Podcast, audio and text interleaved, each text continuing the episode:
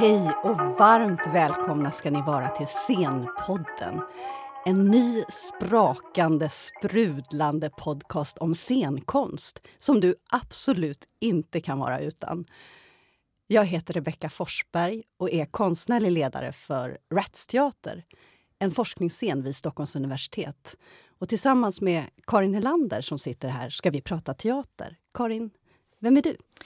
Jag är professor i teatervetenskap vid Stockholms universitet sedan många år. Och jag skriver också en del teaterkritik, särskilt musik och opera och barn och ungdomsteater och är också knuten till eh, skådespelarutbildningen på Stockholms konstnärliga högskola. Mm, och vi är här för att vi har bjudit in en spännande gäst. För idag ska vi prata om scenografi.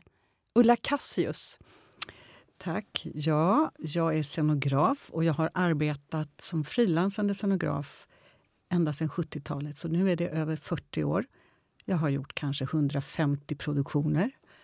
Och jag har varit på de stora scenerna och på de alldeles pyttesmå. Och lite opera och lite film och utställningar och sånt har också blivit. Och de senaste åren har det också börjat bli lite regi.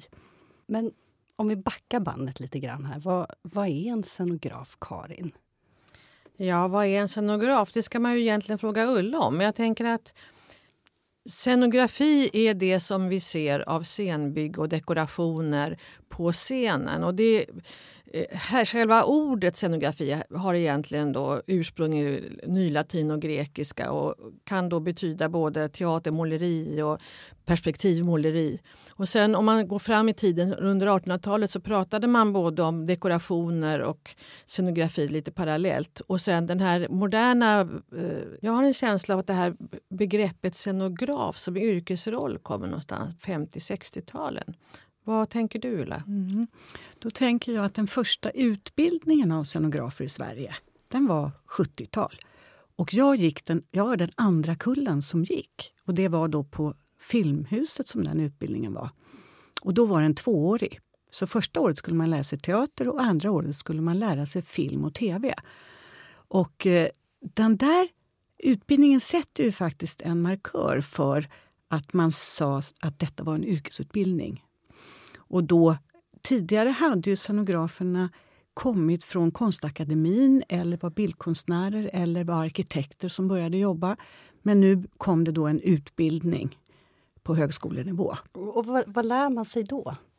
Det var väl meningen då att man Alltså det, det, här var ju 70-tal och det har betydelse. Göran O Eriksson var rektor för Dramatiska institutet och han var en stor teaterpersonlighet Eh, och var både regissör och teaterkritiker och översättare av Shakespeare. och Så Så att eh, han förstod väl och hela utbildningen var inriktad på att teaterkonst är ett kollektivt arbete. Så vi arbetade mycket i grupper, vi var ute och gjorde research. Faktiskt gjorde vi research på Kolingsborg som numera är rivet, på Slussen. För där, stod, där var hamnarbetarna som skulle lassa bananer och så. Och där var vi på 70-talet och ritade folk som väntade. Och Vi var där runt och tittade och, och, jag tror också vi gjorde intervjuer och så. Men vi gjorde research på olika platser och gjorde sen grupparbeten under det där året. Just det, så, så research, då samlar man in material ja. från, från de olika platserna? Ja, från verkligheten och sen in på scenen. Mm. Och den där översättningen, att gå ut i världen, samla på sig och sen ta in det på scenen. Det har väl ända sedan 70-talet varit en jätteintressant väg för teatern.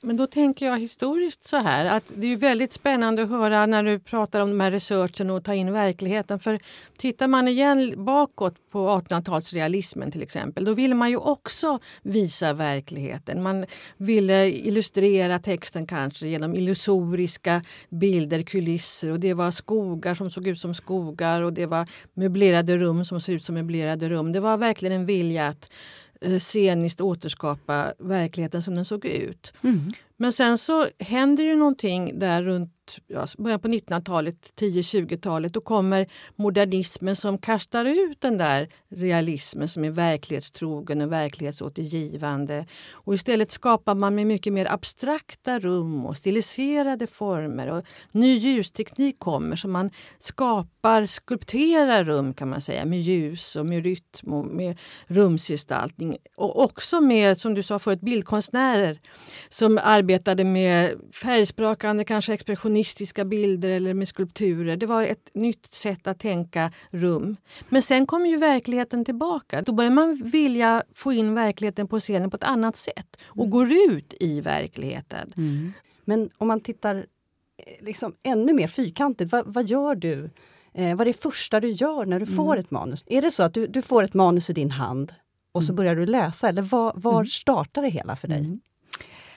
Jag gör det fortfarande så att texten är utgångspunkten för nästan allt scenografiskt arbete. Och det är urspännande. Det är ju som att det är en slags deckararbete då. Att man läser den här eh, pjäsen och jag vet sen vad som kommer att hända. Och när jag sen ska skapa en plats för det där. Jag brukar säga att scenografen skapar en dramatisk plats.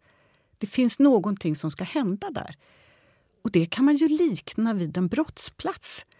Ni vet de där bilderna när man slår upp Expressen och det har skett ett mord i en lada. Då brukar man liksom få en bild uppifrån. Där man ser liksom ladan och så ser man bilen som parkerad och så ser man buskarna och så brukar det vara en, ett kryss någonstans och sen är det, förstår man att där stod han och där var den. Det där är en väldigt bra planritning för ett drama. Och då tänker jag att det jag gör när jag läser en pjäs, det är ju att jag försöker liksom baklänges då rulla upp den här historien och försöker se vad såg han? Var stod han? Hur såg det ut när han reste sig från bordet? Hur, hur gick det här till, det här dramat? Och då, då definierar jag sen platsen för det. Och det är liksom mitt arbete som scenograf mm. för det mesta. Vi hoppas att den här scenpodden ska ge både förståelse och kunskap om vad scenografi är mm. och vad en scenograf gör. Men jag tänker, kan inte du hjälpa till att reda ut en missuppfattning som man ofta hör fortfarande idag? Det är, vad är skillnaden mellan scenografi och sceneri? Mm. Ja, det är helt enkelt så att sceneriet, scenerierna, det är de rörelser som skådespelarna har i rummet om det finns ett bord och det finns en, två dörrar, då det är scenerierna lägger regissören. Men jag kan ju påverka dem med min scenografi. För då öppnas dörren och så ligger ett brev på bordet. Då ska han gå fram till bordet. Det är skådespelarens sceneri.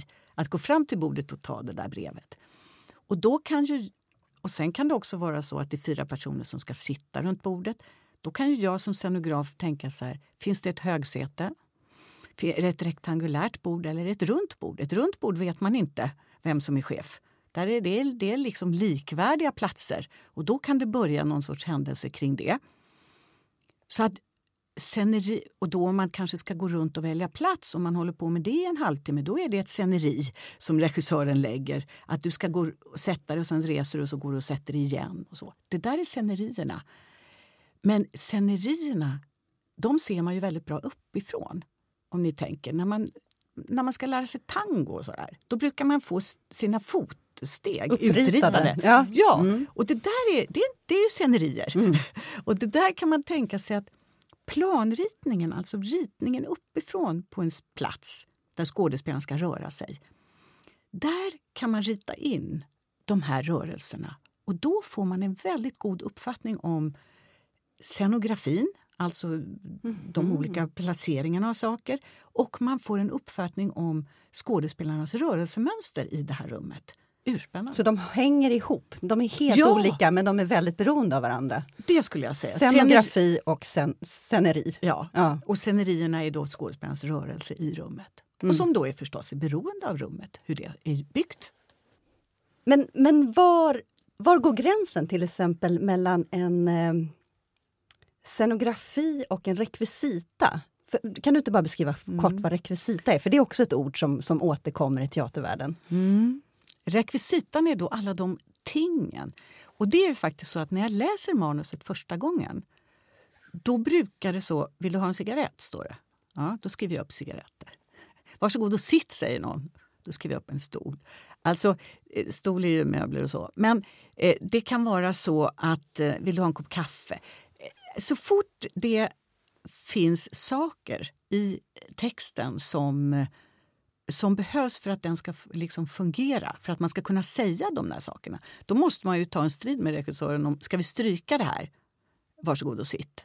Eller ska vi ha någonting att sitta på? Eller ska man sitta sig på golvet? Alltså där, där kommer frågorna direkt. Men när det gäller rekvisitan så det är alltså alla de sakerna. Dammsugaren, appen, tvn, fjärrkontrollen, eh, iphonen. Alla, alla saker som ska vara. Eh, det är rekvisitan. Och på de stora institutionerna så finns det ju eh, folk som arbetar, rekvisitörer som gör ett enormt stort jobb med att skaffa de rätta sakerna. Och ibland handlar det om att det måste vara 50-tal eller det skulle vara en väldigt, väldigt gammal kniv eller en väldigt, väldigt gammal klocka för att det ska vara i rätt tid. Och då gör de det arbetet och de skaffar de sakerna, rekvisitören. Men, jag, du, men du gör alltihop? Ja, och det är många som gör det. Och på små teatrar så finns det inte möjlighet att dela upp det heller. Mm. Och jag, ja, vill du Karin? Jag tänkte när du sa det här med 1800-talskniv att då det, uppdrag för en rekvisitör att hitta ett, ett föremål från en viss tid. Mm. Men om du själv ska göra en scenografi som låt oss säga ska utspelas i 1880-talet, säger vi. Mm. hur går du till då? Sätter du läser in dig på tiden? På, mm. hur, berätta. Jag tittar oerhört mycket på bilder. Alltså jag tittar i böcker och numera googlar man ju. Det är så annorlunda. Men annars var det att gå till KBs bibliotek och, och titta på bilder. Och när man kommer till 1800-talet och så, då är det inte fotografier direkt utan det är bildkonstnärer. Jag har tittat på van Goghs bilder, jag har tittat på hans kängor, hans potatisätare. Vi har, jag gjorde Brevbäraren från Arles en gång och då var det hans målningar på kläderna, postmästaren, hur hans blåa jacka och guldknapparna. Alltså, man har väldigt mycket inspiration från bildkonsten skulle jag säga. Men då betyder det ju ändå att när du gör en, en scenografi som ska utspelas i 1800-talets mitt mm. så, så går du ändå tillbaka till den bildkonsten och inte bara utgår, du utgår inte bara från din egen fantasi, för det hade du också kunnat göra mm. om 1800-talets mm. mitt, utan du går till källorna och, för att inspireras. Mm. Och bara för att det är så roligt också. Alltså det, är, det öppnar sig nya världar. Och jag har också tänkt ibland när jag arbetat till exempel ute på Drottningholms teater. Det är ju en 1700-talsteater som är bevarad. Och de bilderna, de kulisserna som är där, de är från 1700-talet. Och där, på den tiden vet ni, då fanns det inte några lampor. Det fanns inga strålkastare. Så alla de bilderna har målat in ljuset. Så det, det, är ett lövverk där man ser ljuset på bladen, hur det glittrar.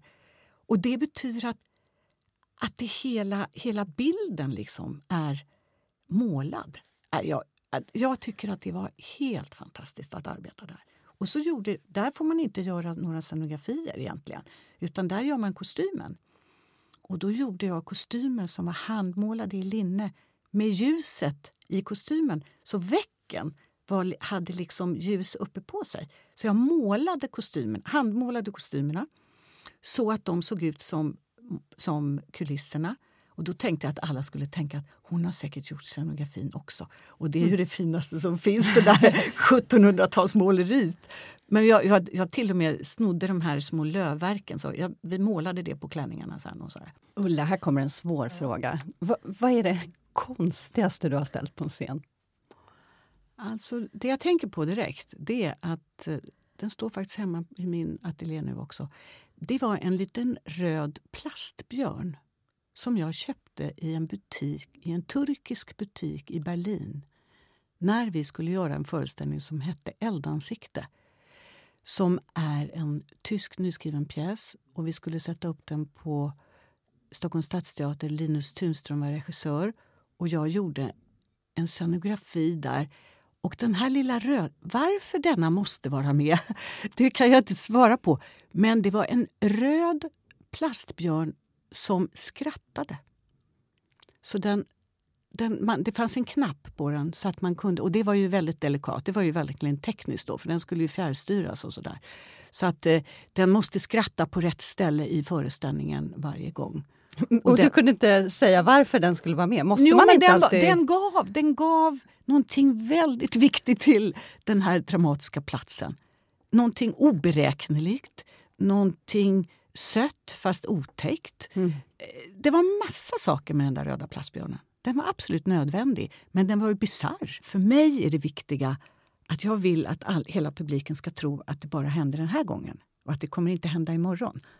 Till exempel brukar man då använda såna tricks som att saker brinner upp och, eller går sönder. Då tror ju publiken att men det kan ju inte gå sönder imorgon. När jag var där så gick det sönder och när jag var där så sprack hans byxor. Vet du att det hände? och så. Mm. Det är ju tricks för att komma åt det där, att det bara händer den dagen. Och där, är, där kan man ju som scenograf hjälpa till väldigt mycket och skapa det där nuet. Väggar kan ramla och, och det, det, det, sånt, sånt är användbart. Jag tänker plats och rum, det måste ju mm. vara helt centrala begrepp för mm. dig. Men när jag tänker på scenografi, modern scenografi, dagens scenografi, inte minst dina scenografier så handlar det både om de här platserna du eh, beskriver att du skapar i din fantasi och sen gestaltar på scenen. Men det handlar också om rummet, alltså teaterrummets specifika plats. Eh, mm. Som ser väldigt olika ut från, olika, från teater till teater naturligtvis. Mm. Och också hur du arbetar med publikens platser och publikens placering i relation till till det mm. som händer på scenen. Det är inte den här vanliga uppdelningen, där spelar de på scenen, här sitter vi i salongen. Utan du arbetar på andra sätt kring mm. platser. Kan du inte säga någonting om det? Jo, det är så att om man har möjligheten, och det är faktiskt så att nu för tiden finns det något som man kallar för en blackbox. Det är ett tomt svart rum där man kan placera publiken där man själv vill. Och där man då kan göra ett rum och göra en teaterhändelse kan man säga från start och från scratch. Och det är ju det är någonting alldeles unikt. Eh, till exempel på Backa teater där jag har arbetat i Göteborg som är en barn och ungdomsteater för hela publiken i Göteborg. Där har vi ju byggt en ny teater varje gång kan man säga. Man bygger teatern igen och igen och igen. Och det första man gör, eller det första som jag har arbetat med, till och med det första som hände när vi fick ta över den här stora smidesverkstan och det skulle bli en teater. Det första vi gjorde då var att bygga en bänk som publiken skulle sitta på. Så viktigt var det. Jag hade en absolut eh, synpunkt på att inte att, vi inte, att barnen och de vuxna ska inte sitta på stolar. Man ska sitta på bänk. Bänk kan vara fem stycken barn och fyra vuxna. Och man kan trängas och man sitter och halvligger. Man har ett helt annat sätt att bete sig på en bänk än om man ska sitta en liten sjuåring på en sån där röd stol med karmar. Då. Nej, eh, så vi byggde en bänk som numera heter Backabänken. Varje gång som jag ska göra en föreställning så går jag in i det rummet och tänker det är alltså här det ska ske. Och är det då Dramatens stora scen så tänker jag det är alltså här med de här raderna med det här guldet. och så. Hur kommer det att påverka mitt rum? Också hur ser de ut, de som sitter på de här bänkarna? På Backa teater vet jag att det är ungdomar. De, de har vissa kläder, de ser ut på ett visst sätt. Eh, Dramaten har en annan publik. Eh, moment har kanske en tredje. Alltså, det påverkar mig väldigt mycket i hur jag, vad jag gör på scenen. Liksom rent visuellt. Och det där med att det är alltid en sorts eh, platsspecifik händelse, teater, tycker jag. Mm. Det borde vara det i alla fall. Jag, mm. jag, jag, vill tänka så, att det ska påverka. Så, så om jag som publik kommer, kommer till en teater mm. och du har varit scenograf, mm. då, då har du eh, redan när jag kommer innanför dörren tänkt mm. någonting mm. med platserna. Mm. Vad, vad, vad börjar och slutar scenografi eh, för dig? Alltså för mig började det redan ute i foajén. Jag skulle säga att det har en enorm betydelse om skådespelarna till exempel möter publiken redan ute i, i foajén. Där börjar redan eh, en form av upplevelse eller händelse som är unik för denna dag med denna publik. Och om, det, om man definierar teater så, som jag då gör, så har föreställningen redan börjat där. Och sen när man då kommer in i salongen så kan man jobba med det. Eh, jag, jag gjorde en gång en barnföreställning och min, min, det jag absolut hade bestämt mig för det var att skådespelarna skulle inte behöva spela för tom salong. Det var det viktigaste för mig, för jag hade varit med om det och jag hade lidit så av att se tre, fyra personer sitta och skådespelarna liksom känna de här tomma stolarna. Ni ska inte behöva det, sa jag. Och bestämde mig för att när barnen kom in i rummet så skulle stolarna vara staplade precis vid ingången. Och varje barn skulle ta sin stol och sätta sig var de ville i rummet. Och då var det så att det fanns inga tomma stolar, för mm. alla hade tagit sin stol. Och den här kväll, dagen var det då den publiken. Och så visade det sig att det var, det, var, det var det första jag sa och det var det första jag var tvungen att ge, ge med mig på. För att det var så att brandreglerna säger att man får inte vara mer än 40 eh, med spridda stolar utan då måste man haka ihop dem och så måste det bli gradäng och så skulle det vara 80 barn. Äsch, och så, ja, äsch, det var en så, lysande idé. Det var, det var ett sätt att komma åt det där faktiskt med det otroligt betydelsefulla i publikens närvaro Just i rummet. Men hur ser det ut rent konkret om, om man tittar på vil, vilka arbetskamrater har du runt dig när du, när du går till jobbet? Mm. Alltså jag trodde en gång när jag sökte till, till den här Dramatiska institutets utbildning Eh, Eh, att jag kunde, inte tänka, jag kunde inte tänka mig att vara en ensam konstnär i en ateljé och så. Jag var otroligt beroende av andra människor och tänkte att men på teatern, där, där har man varandra och där är man en del av. Nu visar det sig faktiskt att scenografiyrket är ganska ensamt. Man får ju det där manuset. Man sitter ju hemma och läser det. Och sen, det traditionella är ju att man sen möter regissören som för det mesta har valt den här texten och som har en idé också om vad han vill göra med den, eller hon. Och då, då möts man kring den där och har samtal kring det. Och så börjar väl jag egentligen försöka förstå vad det är som ska hända på scenen. Kanske först vad som ska hända innan jag vet hur det ska se ut. Eh, jag är nog en sån scenograf som är oerhört beroende av att veta så ska alla sitta på scen? Eller? Nej, de ska aldrig sitta, de ska bara stå. Jaha, det är klart att det påverkar mitt rum, hur, hur det ska göras. Liksom. Mm. Så du är liksom chefen för hur rummet ser ut, hur allt, allt ska ja. gestaltas eh, visuellt kan man säga? Samtidigt så ska jag säga att som scenograf så tolkar ju jag både pjäsen, men jag tolkar framförallt regissörens uppsättningsidé. Eller skapar den uppsättningsidén tillsammans med regissören. Men det är ett oerhört nära samarbete. Det är, nästan, det är så intimt så jag skulle säga att, att det, de samarbeten som blir mellan regissör och scenograf i, ibland, som uppstår, de är otroligt starka konstnärliga mm, koncept. Liksom. Mm. Som bara bygger på de två människorna och inte på några andra. Mm. Har du gjort scenografi som, som liksom har upprört folk? Mm, ja, oh, vad svårt att säga. Det är väldigt svårt att uppröra folk med teater, tänker jag då. Det går nästan inte. Man kanske kan uppröra med regi. Jag tror inte med scenografi direkt. Det finns ju sånt där som att det finns väldigt mycket blod på scen. Och väldigt mycket naket. Jag menar, vad, vad, vad, vad kan uppröra folk? Sex och våld. Ja, kanske. Sex ja, nej, men jag tänker också att det finns en föreställning om hur teater ska se ut. Och att mm. man blir besviken när man ja. kommer till, till din föreställning. Ja, det kan man ju bli. För det första så brukar det vara ganska tomt när jag gör scenografi. För jag är så intresserad av det första som ska hända. Och det ser man bara om det är tomt. Ja. På något sätt, tänker jag. Eller jag är, så, jag är så intresserad av det där att, att när publiken kommer in så ska de tänka, men gud, här är ju ingenting. Och när de går ut så har det blivit massa bilder och massa saker som har hänt. Jag vill liksom inte, jag vill inte vara för snabb. Jag vill inte att det ska redan vara berättat, det som ska hända. Det, det har att göra med, att jag tycker det är så spännande med att, att publiken ska vara med om en upplevelse som man inte riktigt kunde tro. Just det. Eh, och det, ja. Eh, Eh, eh, scenograf det är ju ett konstnärligt yrke. Men jag tänker det handlar ju också i någon mån om hantverksskicklighet. Och det handlar naturligtvis väl om samarbete med regissör men också med kostymör om man inte gör kostymerna själv. Kostymdesign, med ljussättare, ljusdesigns. Hur ser den där balansen mellan konstnärlighet och hantverksskicklighet ut för dig? Ja, men alltså precis så är det. Och det är det fantastiska med det där yrket. Alltså mötet med, då säger jag mötet med andra konstnärer. Tänk att man ska måla tillsammans på samma tavla. Det är väldigt delikat. alltså. Vem, vem målar över mitt och vem målar jag plötsligt över på någon annan? Och jag har satt ett öga där som inte han vill ha. Och alltså, det, är ju, det är ju det som är samarbetet.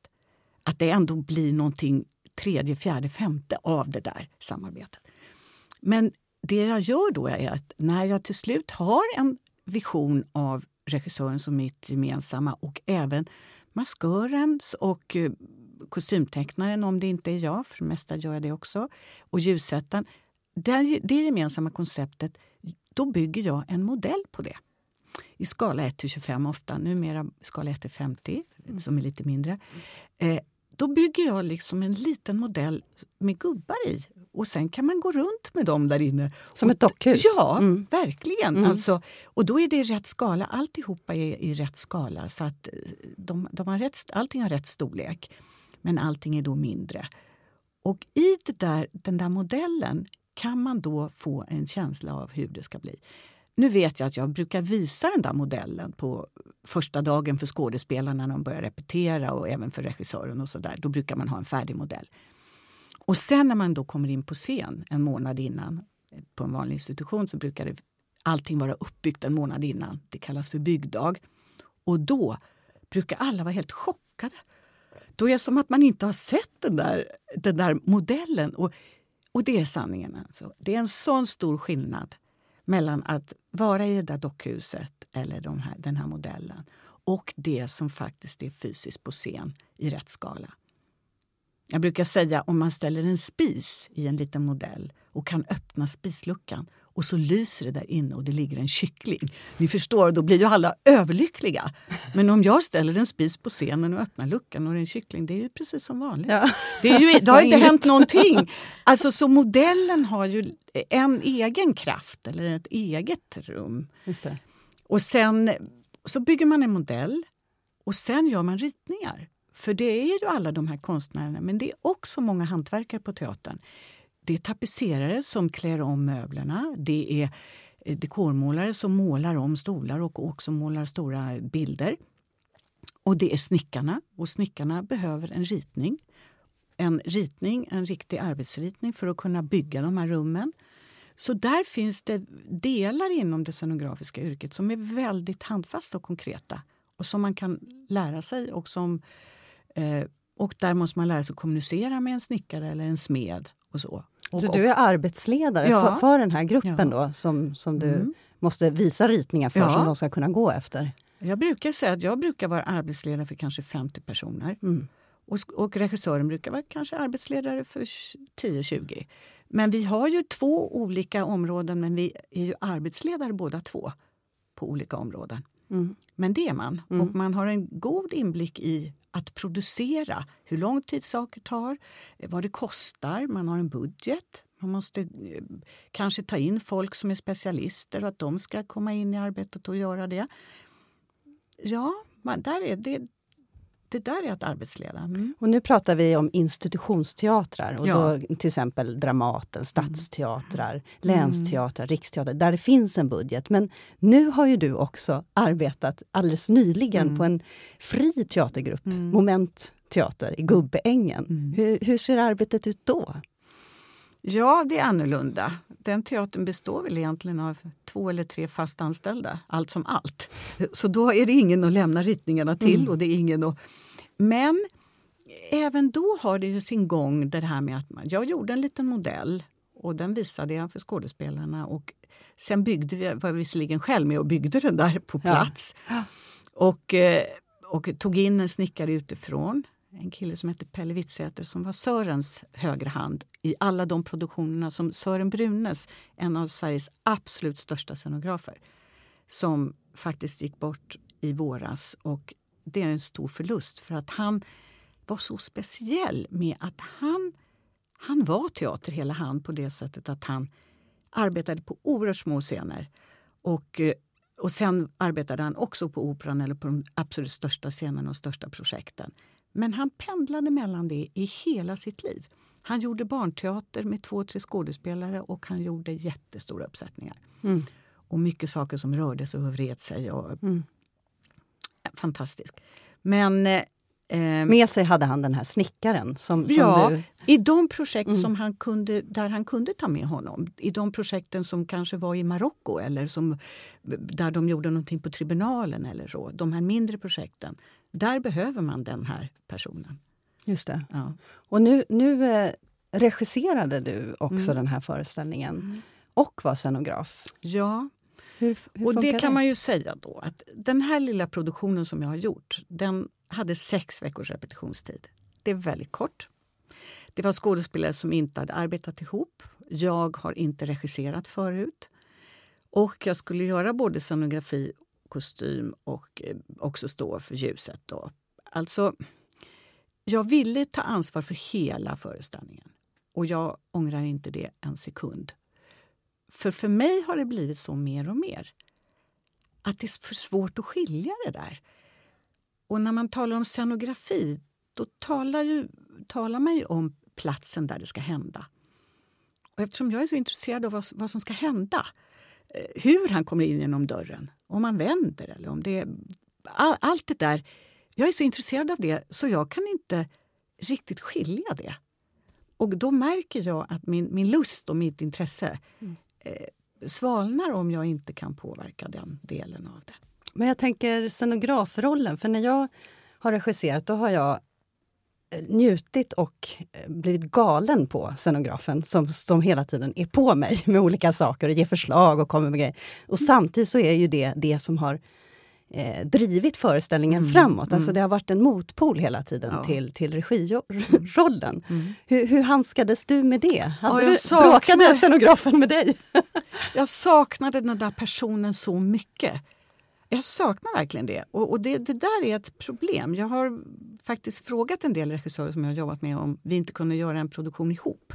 Så att man kunde ta ansvar för hela produktionen ihop. Det mm. finns ju några, några som arbetar så. Som eh, Bogdan och Karina, två kollegor till mig. De gör ju allting tillsammans, både scenografi och regi. Jag vet inte riktigt hur de beter sig, men de har alltid gjort det.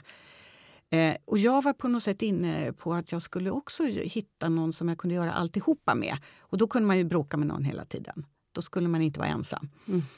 Men den här, när jag nu har gjort det här så, så blir jag ju väldigt... Det är annorlunda. Jag, blir, jag, jag har inte den personen, men jag har en assistent sen fem år tillbaka som, gör, som är scenograf och som är kostymör. Hon heter Moa Möller. Hon har varit med mig i varje produktion nästan nu. Och hon är den som säger så där kan du inte göra. Det. Eller det där går inte. Ja. Eller jag tycker han måste, han måste ta av sig den där. Han måste, han måste sätta på sig den där peruken där. Eller. Alltså hon är ovärderlig. Och det, det är ju en sanning. Att man, man klarar sig inte själv, tycker inte jag. Kan du se dig, fast du är mitt i det, men kan du se dig om och se på andra scener och andra scenografers arbeten och tänka jaha, det är så här det ser ut på svenska scener i år 2016. Det är de här trenderna mm. som mm. finns. Mm. Det finns ju några saker tycker jag som skiljer kanske den svenska teaterscenen från andra. Jag tycker det för det mesta syns att vi inte har lika mycket pengar. Och det syns. Mm. Alltså det, jag kan slås av när jag kommer ut i Europa, om jag kommer till en teaterfestival. Tänk, men gud, hur kunde de ha ett regn som pågick i tre timmar? Hur gör de det där? Våtdräkterna, möglet, arbetet efter varje föreställning. Det är stora saker. Och, och vi tänker då ja men vi, vi, vi vill ha regn och så får vi regn då i tio minuter. Men det där att genomföra någonting helt och fullt rökfylla ett rum eller så. Jag menar sådana där stora genomgående beslut. Också rummens storlek skulle jag säga. När jag ser bilder från, det finns en fantastisk regissör och scenograf som heter Castellucci. När jag tittar på de bilderna så tänker jag men det där är fantastiskt. Och då ser jag en människa stå framför en bild som är åtta meter hög, av ett ansikte kanske. Och då tänker jag, men då behöver man ett rum som är så stort. Mm. Och, och det, det, finns, det, det, är någon, det är annorlunda. Men, men hur mycket kostar en scenografi? Det där är, det är olika, och eh, hur man räknar. Men jag, det har funnits i alla fall en sån där klausul som att 300 000 för en scenografi på en lite mindre scen och kanske 500-600 000 för en scenografi på en större scen. Så det handlar om en halv miljon då. Och då har jag väldigt tidigt, tror jag, någon, jag fick frågan och då tänkte jag så här, om jag nu tar min budget på 500 000 och så växlar jag in det i pengar och så lägger jag de pengarna på golvet här. Går det bra? Ja. Det är ju, det är ju så att då skulle det bli synligt hur mycket pengar det var. Eller om jag brände upp en per föreställning, så en tusenlapp per föreställning, och sa det, det är det här som är den här budgeten.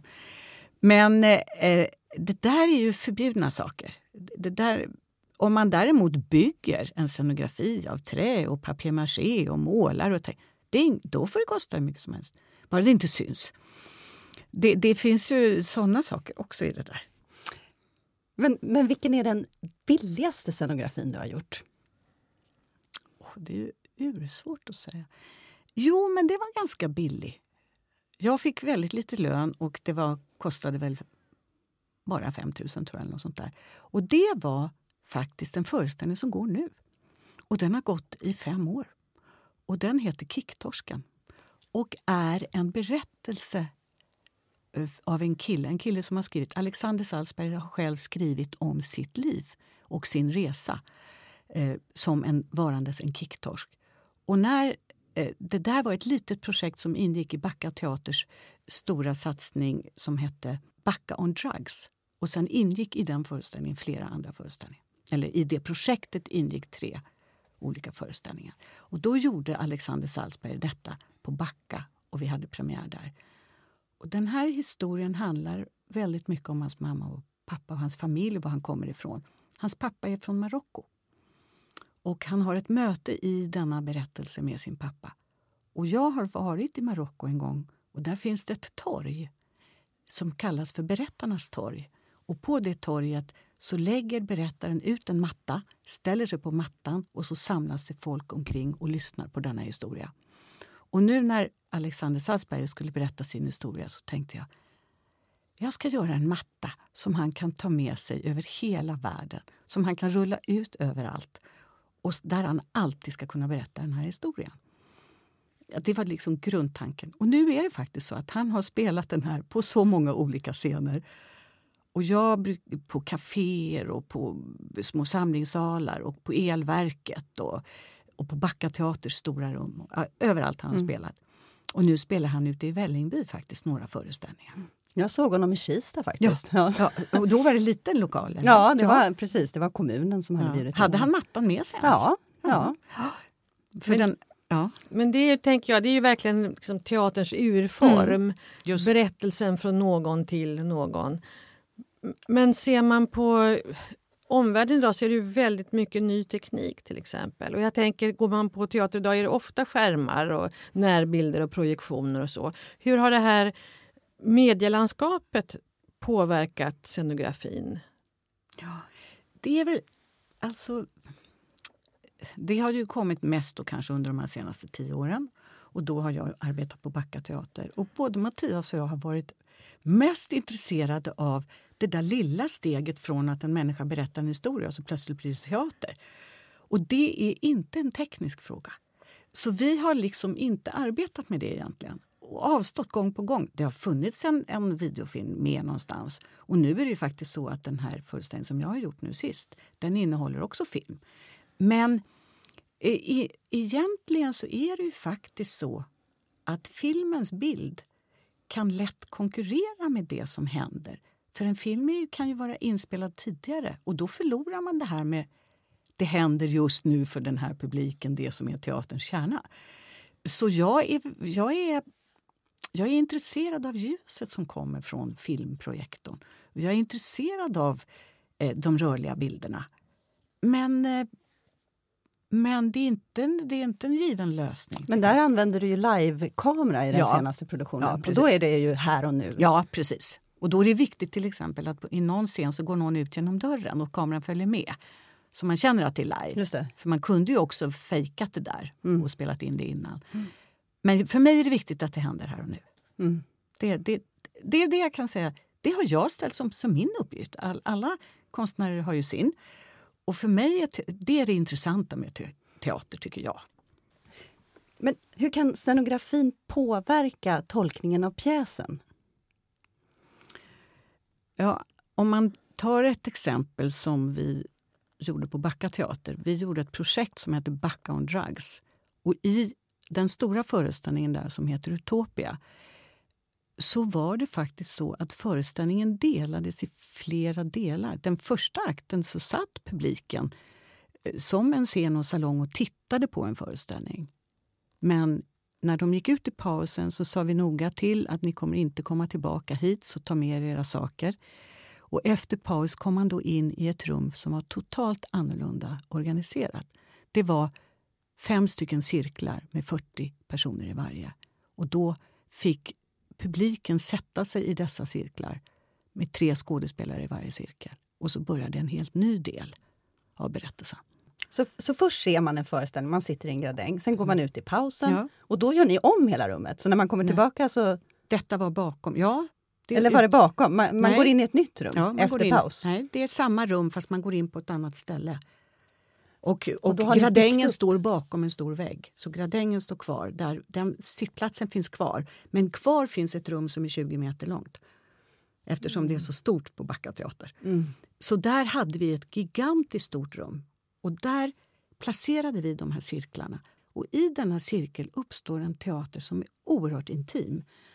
Om man tänker att den första delen handlade om eh, droger eh, ur alla möjliga synpunkter så kan man säga att den här andra delen handlade om en enskild människas konsekvenserna för en enskild människa. Det var en bror, det var en man, det var en syster som berättar en historia om hur drogerna har påverkat deras liv. Konsekvenserna av drogmissbruk. Och det var ju så drabbande så att den där cirkeln hade ett helt annat tilltal, ett intimt tilltal. Det där intima samtalet kan uppstå på teatern men då krävs det en viss form mellan, sen, mellan skådespelare och publik. Och den kan scenografen skapa. Och här kan man då säga att man gör de här cirk- Vi gjorde fem stycken cirklar. Just det, och vi har, vi har en bok här som, som eh, vi har en stor bild på de här cirklarna. Du kan väl bara beskriva Mm. hur, hur den här bilden ser ut. Mm. Det är en bok som, som eh, du har kommit ut med tillsammans med flera andra scenografer. Ja. Det är en eh, scenografibok. Först kan jag väl bara säga att de här fem cirklarna bildar då tillsammans, kan man säga, en vår värld där alla de här enskilda berättelserna faktiskt sätts i ett större sammanhang. Man kunde gjort en cirkel, då hade det handlat om de tre. Men om man gör fem cirklar och alla berättar parallellt som i ett körverk, då kan man säga det här är alla akutmottagningar. Det här är alla bröder och alla systrar och alla mammor och alla pappor. Och det får ju en helt annan verkan. Och den är teatral. Men visst har du jobbat med den typen också på Backa med cirklar förut? I någon produktion? Vi Jag gjorde- tänkte på Gangs of Gothenburg. Ja, det första projektet som Mattias Andersson och jag gjorde i den, i den genren kan man säga, då var det så att publik och skådespelare satt i en ring. Och det var den scenografin startade så. För jag minns just också hur man... Eller jag, jag kan känna den där känslan när man sitter i den här typen av cirkel som vi ser på bilden Mm. och som du då arbetar med. Därför man blir en helt annan sorts publik. Mm. Man blir en väldigt uppmärksam, eh, inbjuden eh, publik och det ställer också vissa krav på en som publik egentligen. Eh, Inte några jobbiga krav utan mer att man känner att man som publik också måste vara särskilt uppmärksam och koncentrerad och möta skådespelaren som är rätt utsatt ändå Mm. i den här cirkeln. Mm. Och också när det är fler cirklar tänker jag att man också, precis som det täcker någonting om, om världen, när man lägger ihop cirklarna så är man ändå i sin egen cirkel. Mm. Och får sin egen tolkning av verkligheten och sitt eget perspektiv Mm. på det som händer. Mm. Eh, Och kan inte riktigt ändå omfatta det andra mer än som en slags eh, Mm. tanke. Mm. Vilket är en väldigt Mm. speciell situation Ja. som publik. Och då accepterar man också att man kan inte se allt och inte höra allt. Och det är ju annars, på teatern har man ju fått för sig att man, alla ska se allt och höra allt. Men när man gör ett sånt här rum, då, då är man inne i en liten annan konstart, scenkonst, där man säger att de som satt där borta i den cirkeln, de hade tre andra skådespelare. Och de fick en helt annan upplevelse än vad jag har haft här. Så att då, har, då har ju teatern verkligen börjat ta steget ut i, i att det är en upplevelse för just den publiken just där. Men sen finns det en annan bild. där. Det finns ju många fantastiska bilder i boken men vi tittade på en tidigare som har en helt annan karaktär. Ja, kan du är- bläddra fram den? den Det är ett, ett stort tomt rum och det är inte vilket rum som helst. Det är Göteborgs stadsteaters stora scen och den är gigantisk kan jag lova er. Den har en stor murad rundhorisont, en vägg bakom som är vit och den är exceptionell i Sverige. Det finns nästan ingen, ingen scen som har en sån vägg. Och när jag fick se den, då tänkte jag bara den här måste vi ju visa. För ibland brukar man ju ha saker framför. Men jag tänkte nej, jag tar bort allting. Så man får se hela den där väggen. Och på golvet ligger det ett parkettgolv. Här är Och bilden. det här parkettgolvet är då gigantiskt, kan jag lova. Mm. Hela, och det var då en remake, alltså det var en föreställning som gjordes på Göteborgs stadsteater på 70-talet och som vi tog upp och började undersöka för att det var början på en ny sorts teater då som var intresserad av vad som hände i samhället och hur det påverkade. Teatern kunde den påverka samhället, kunde samhället, måste påverka teatern. Och så ur detta kom det nya texter och nya föreställningar. Var det Kent Andersson, Ja, Bengt Bratz, de här eh, nästan kan man säga revyaktiga collagen Mm. som gisslade välfärdssamhället egentligen. Ja. Och det, det som skaver och det som eh, är utsatt i Mm. välfärdssamhället Mm. som blev ju oerhört... Eh, Helt nya berättelser Helt kom in på scenen. Ja, och en helt ny spelstil egentligen Ja. också. Det också, precis. Och, då, och här började vi då föreställningen med att ett bord står uppställt och alla skådespelarna sitter vid bordet och sen tar de upp manuset från Kent Andersson och Bengt Bratts föreställning Flotten. Då. Och så börjar de läsa första, första eh, replikerna. Och då är den som historiens vingslag ändå att kan den här texten leva idag? Det var ju en av frågorna. Hur, hur gör vi det här idag? Eh, är det samma dynamit eller vad finns det i det här som skulle kunna användas? Och så jobbade vi med det med skådespelarna. Och den här bilden är då bara ett jättestort bord med alla skådespelare sittande vid bordet och på det här parkettgolvet. Och, då ska man, och sen är det förstås ljuset i det rummet som gjordes av Charlie Åström som är så viktigt rakt genom hela föreställningen. Men, men hur, hur tar skådespelarna det här? De har ju ingenting att hålla sig i, tänker jag. Det är bara ja. ett, ett, ett stort golv och Ja. ett, ett bord. Det är inte lätt. Det är oerhört svårt och det arbetades mycket, mycket, mycket länge med hur den första repliken skulle sägas, när någon tappar en penna, om man gör rytmen med fingrarna. Alltså, allting blir väldigt, väldigt viktigt i de här rummen. Och det kan också göra att lyssningen i salongen blir väldigt, väldigt stark. Man kan känna att om inte jag lyssnar ordentligt nu så kommer det inte hända någonting. Nej, men det är viktigt. Alltså man blir på något sätt indragen i det där. Men det är flera scenografer som har varit med och eh, tagit fram den här boken. Men det finns ingen text. Nej. Det, det var så att vi var fem, sex scenografer som träffades. Och det, nu var det länge sedan, men vi träffades varje höst och varje vår och åt middagar tillsammans. Scenografimiddagar. Det var faktiskt Maria Geber som kände att vi är så ensamma. Det där som jag började prata om att fast man är en sån stor grupp och arbetar så tillsammans så är man ändå den enda scenografen i varje produktion. Och, och vi hade ett sånt behov av att träffas och prata om prata skit och vi bråkade och vi pratade om allt möjligt. Vi pratade om vi såg inte så mycket av varandras uppsättningar tror jag, men vi jobbade med teater hela tiden. På en av middagarna så kom det upp, ska vi inte, ska vi inte göra en scenografibok? Och inte en sån här bok som handlar om scenografins historia. Det brukar det alltid göra. Det är alltid såna fina gamla bilder och så. Nu ska det vara en bok som är samtida scenografi. Scenografi, precis det som står på scenerna just nu. Hur ser det ut? Vad är det för någonting? Vad är det folk ser? Och så började vi, så sa vi 40 bilder var, sex scenografer, det blir 200 bilder. Aha, nu ska alla samla ihop sina bilder och det får bara vara från 2011 till 2014. Så alla urbra saker som man gjorde innan och allt fantastiskt man har gjort efteråt får inte vara med. För det här ska vara ett tidsdokument. Eh, och det får vi acceptera allihopa. Och då samlade vi alla bilderna och så till slut så blev vi då fem scenografer som, som eh, finns i den här boken. Och en av scenograferna är då Sören Brunes som avled i våras. Och det är fantastiskt att 40 av hans bilder faktiskt finns i den här boken. För att eh, scenografer är inte, det är inte vi som samlar på oss själva. Vi jobbar och jobbar och vi gör nytt och vi gör nytt och vi gör nytt. Och han var verkligen en sån. Han bara fortsatte arbeta och arbeta. Så det finns inte så mycket material skrivet. Inga skrivna ord direkt finns det inte. Det kan man prata, höra med Karin om. Men det finns inte mycket skrivet om scenografi och det finns inte några böcker direkt om samtida scenografer i Sverige. Nej, det finns inte mycket om samtida scenografer i Sverige. Det finns ju några avhandlingar. Det finns någon som handlar om Ingmar Bergman, några av Ingmar Bergmans eh, uppsättningar av scenografin till dem. Det finns Kungliga Teaterns 1800-talsscenografier. Ja, det, lite grann. det finns modernism i Göteborgs scenografi. Men som du säger, finns väldigt lite av det som är samtida idag. Och ofta är de ju inte alls eh, så fantastiskt bildrika som, som den här scenografboken är.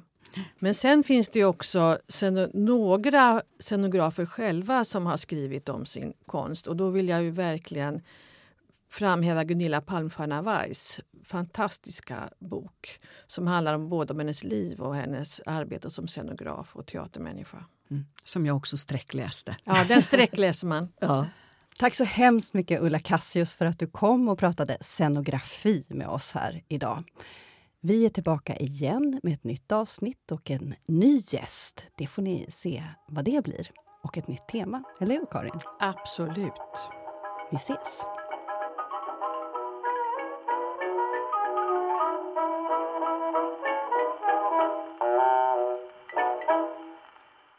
Du har lyssnat på Scenpodden, en podcast från Rats Teater och Humanistiska fakulteten vid Stockholms universitet.